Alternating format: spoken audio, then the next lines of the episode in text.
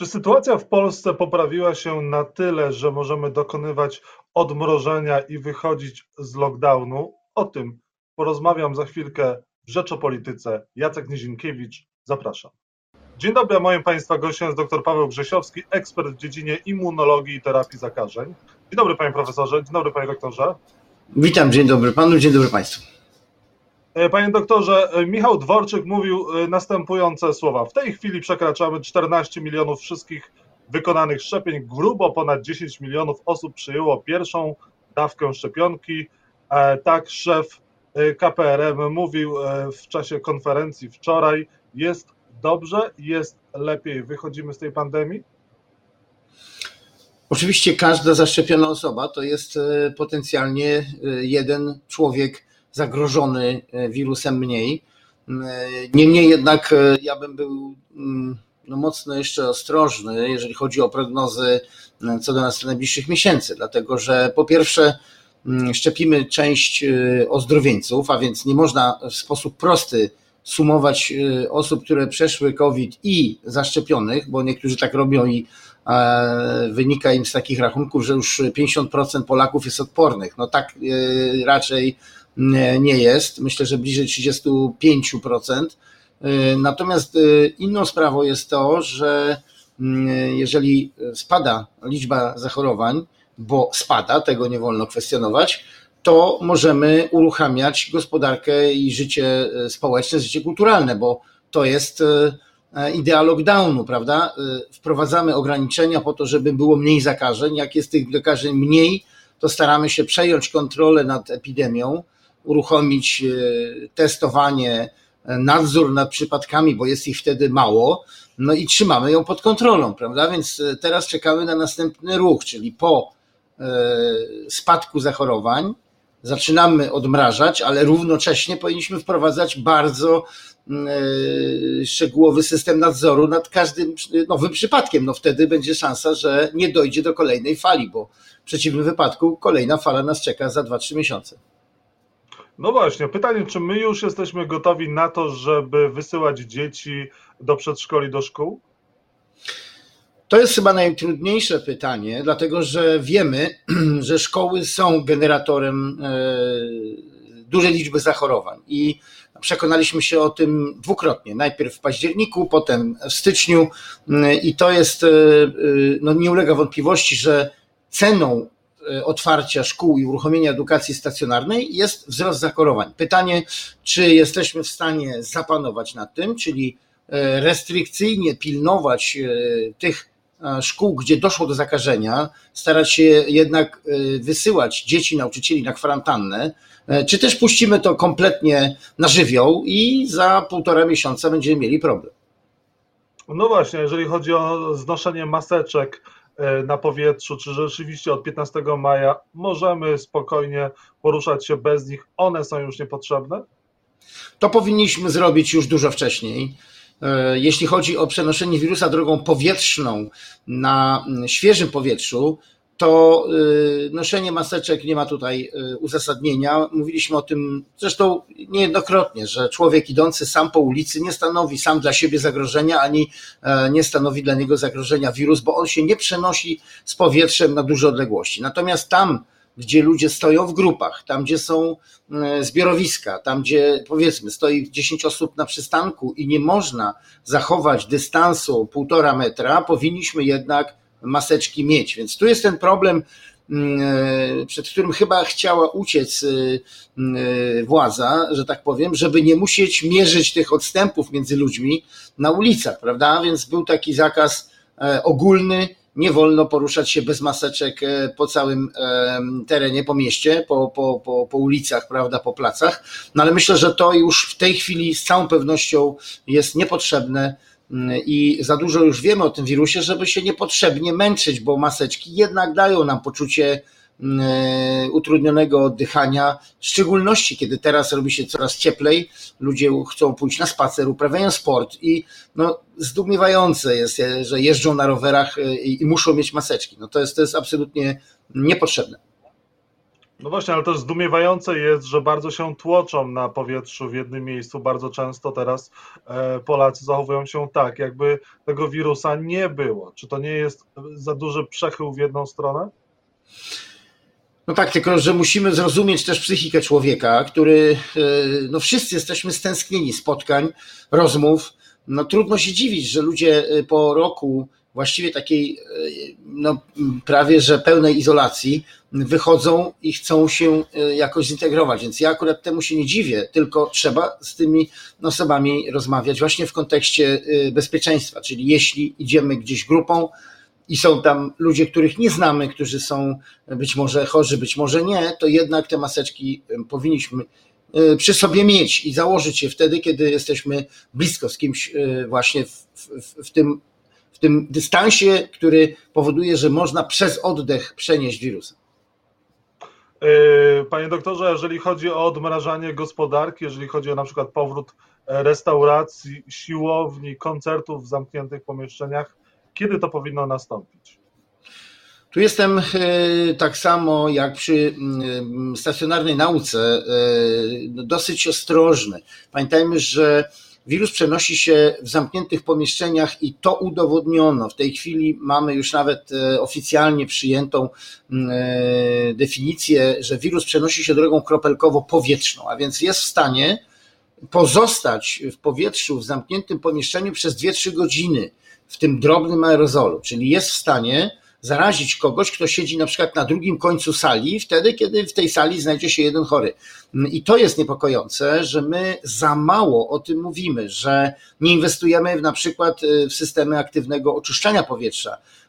Pamiętajmy, że dobrą wentylacją, czyli wyciąganiem powietrza skażonego i wpuszczaniem świeżego powietrza, jak również działaniem specyficznych e, urządzeń, które zabijają wirusa w powietrzu wtedy, kiedy tam ludzie siedzą i nie są szkodliwe dla tych ludzi, e, to powinien być moim zdaniem w tej chwili ważny kierunek działań, dlatego że można sobie wyobrazić pięć osób siedzących w pomieszczeniu, nie wiem, o, o powierzchni 20 metrów, kiedy działa urządzenie właśnie uzdatniające powietrze i ryzyko wtedy spada niemal do zera. Także można to zrealizować, tylko trzeba o tym myśleć, trzeba o tym mówić, trzeba o tym mm, również y, decydować na etapie inwestycji, bo to są urządzenia, które y, kosztują dodatkowe środki. No ale wydaje mi się, że każdy restaurator y, zainwestuje powiedzmy 10 tysięcy w urządzenie, które pozwoli zarobić mu dużo więcej, kiedy tam będą mogli przebywać klienci. Także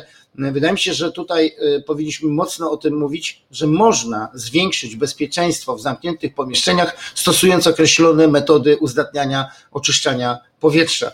Natomiast największy mój, mój problem, znaczy w sensie obawy, budzą imprezy, z alkoholem, ze spożywaniem posiłków typu wesela, typu jakichś właśnie uroczystości, bo to daje jednak szansę spotkania wielu ludziom z różnych części e, kraju.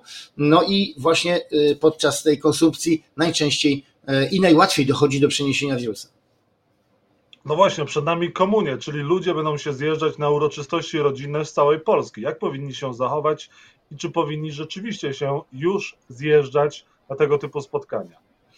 No właśnie, tu dochodzimy do y, moim zdaniem fundamentalnej sprawy. Otóż nie jest moim zdaniem naszym, przynajmniej moim celem, zabranianie tego rodzaju imprez. Y, moim zdaniem powinniśmy skupić się na tym, jak je bezpiecznie przeprowadzić. I mm, podam tutaj przykład. Y, ponad miesiąc temu odbył się eksperymentalny koncert w Barcelonie, w którym wzięło udział 5 tysięcy osób. Te osoby zostały zgromadzone na małym stadionie y, i odbyła się ta impreza. I po tym koncercie, po miesiącu, sprawdzono, ile osób się zaraziło, i to było raptem sześć osób. A więc można zrobić imprezę, nawet tak dużą jak koncert z kilkutysięczną widownią, bezpieczny sposób. Ale na czym polegało przygotowanie? Każdy był przetestowany, każdy miał sprawdzoną temperaturę e, i e, wiele już z tych osób było zaszczepionych. Mm, I to jest moim zdaniem naszym celem. Po pierwsze, E, propagujmy szczepienia, mówmy o tym, że będziesz mógł wziąć udział w weselu, w chrzcinach, e, w jakiejkolwiek innej imprezie, jeżeli jesteś zaszczepiony. E, najlepiej dwoma dawkami.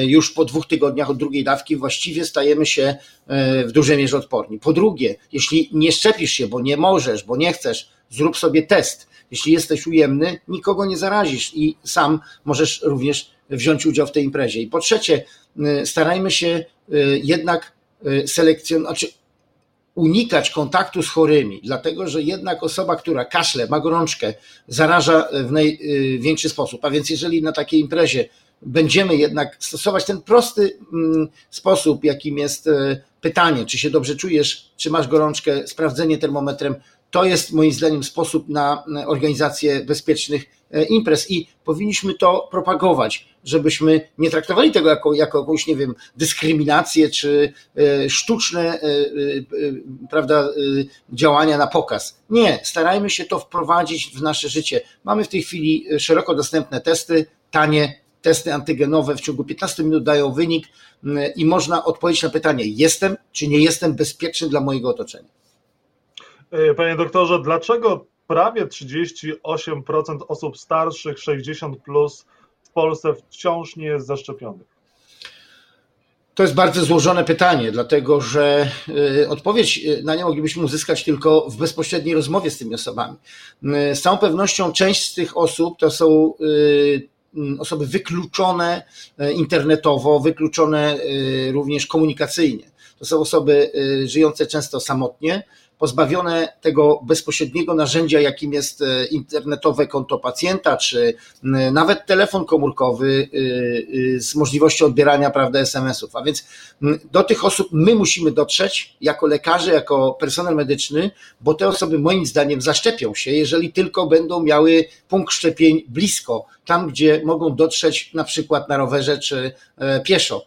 Natomiast na pewno jakąś część w tej grupie stanowią także osoby, które są przeciwne szczepieniom, które nie chcą się szczepić. I e, tu znowu, to nie jest jednolita grupa. Część z tych osób nie chce się szczepić, bo się boi, część z tych osób nie chce się szczepić, bo nie lubi szczepionek, a część z tych osób nie chce się szczepić, bo uważa, że nie ma pandemii. To są, każda z tych grup potrzebuje innego e, rodzaju działań, innego rodzaju e, wsparcia. I tutaj bardzo ważną rolę stanowią moim zdaniem lekarze rodzinni, którzy znają tych pacjentów. Oni przecież wiele y, lat spędzają w tym środowisku i wiedzą, jak trafić powiedzmy do pacjenta, który generalnie y, przychodzi do lekarza rodzinnego powiedzmy po receptę czy po jakieś inne, y, po jakąś inną pomoc, a jednocześnie można go wtedy zachęcić do szczepienia. Tylko jest jeden problem.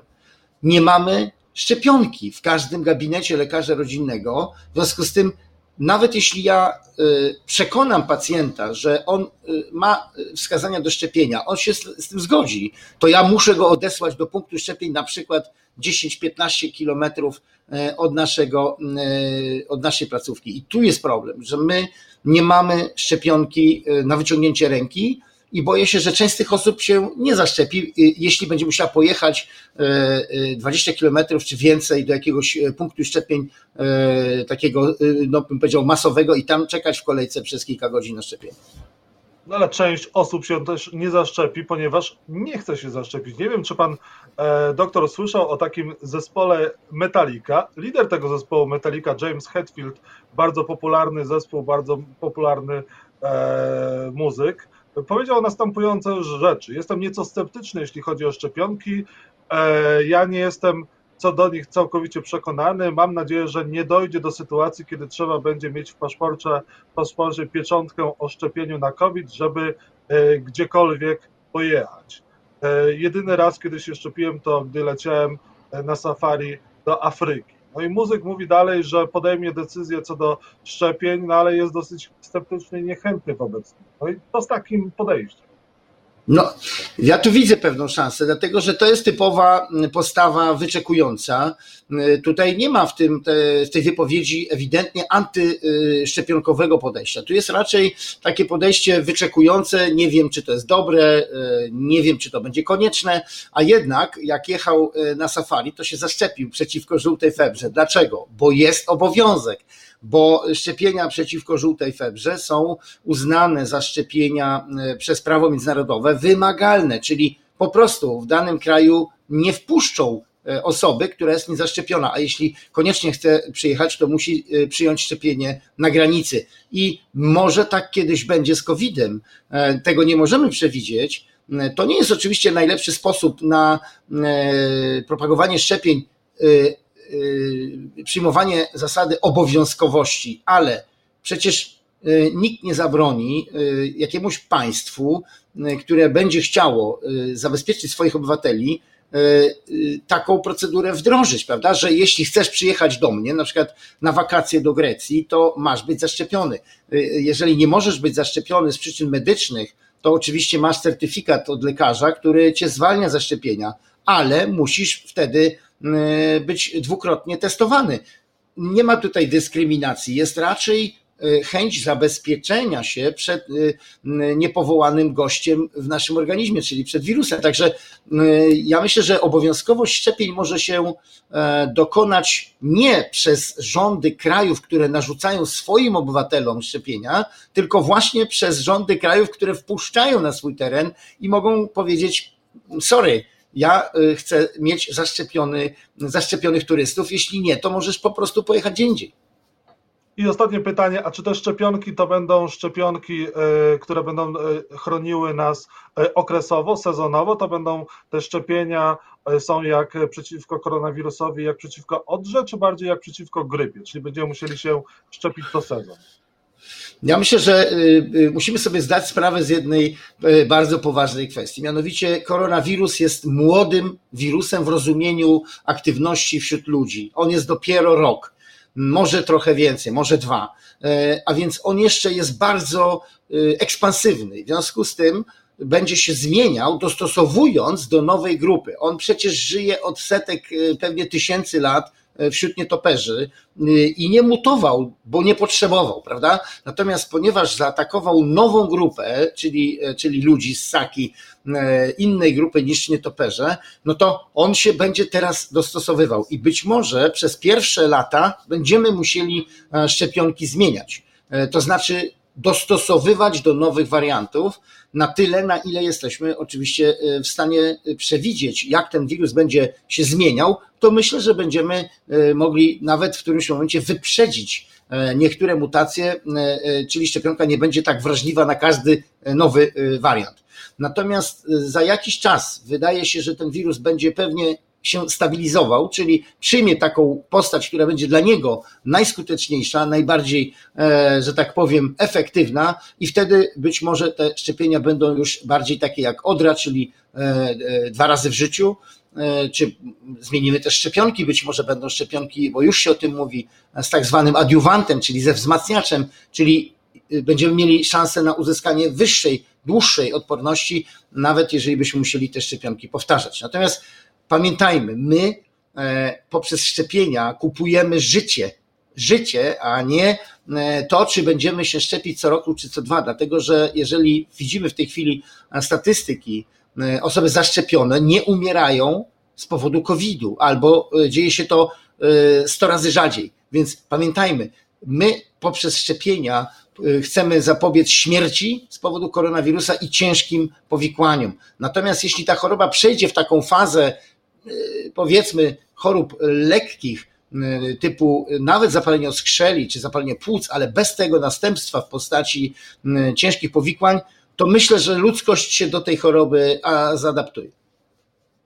Doktor Paweł Grzesiowski był Państwa i moim gościem. Bardzo dziękuję Panie doktorze i udanego dnia i udanego dyżuru. Wzajemnie. Dziękuję. Dziękuję, wszystkiego dobrego.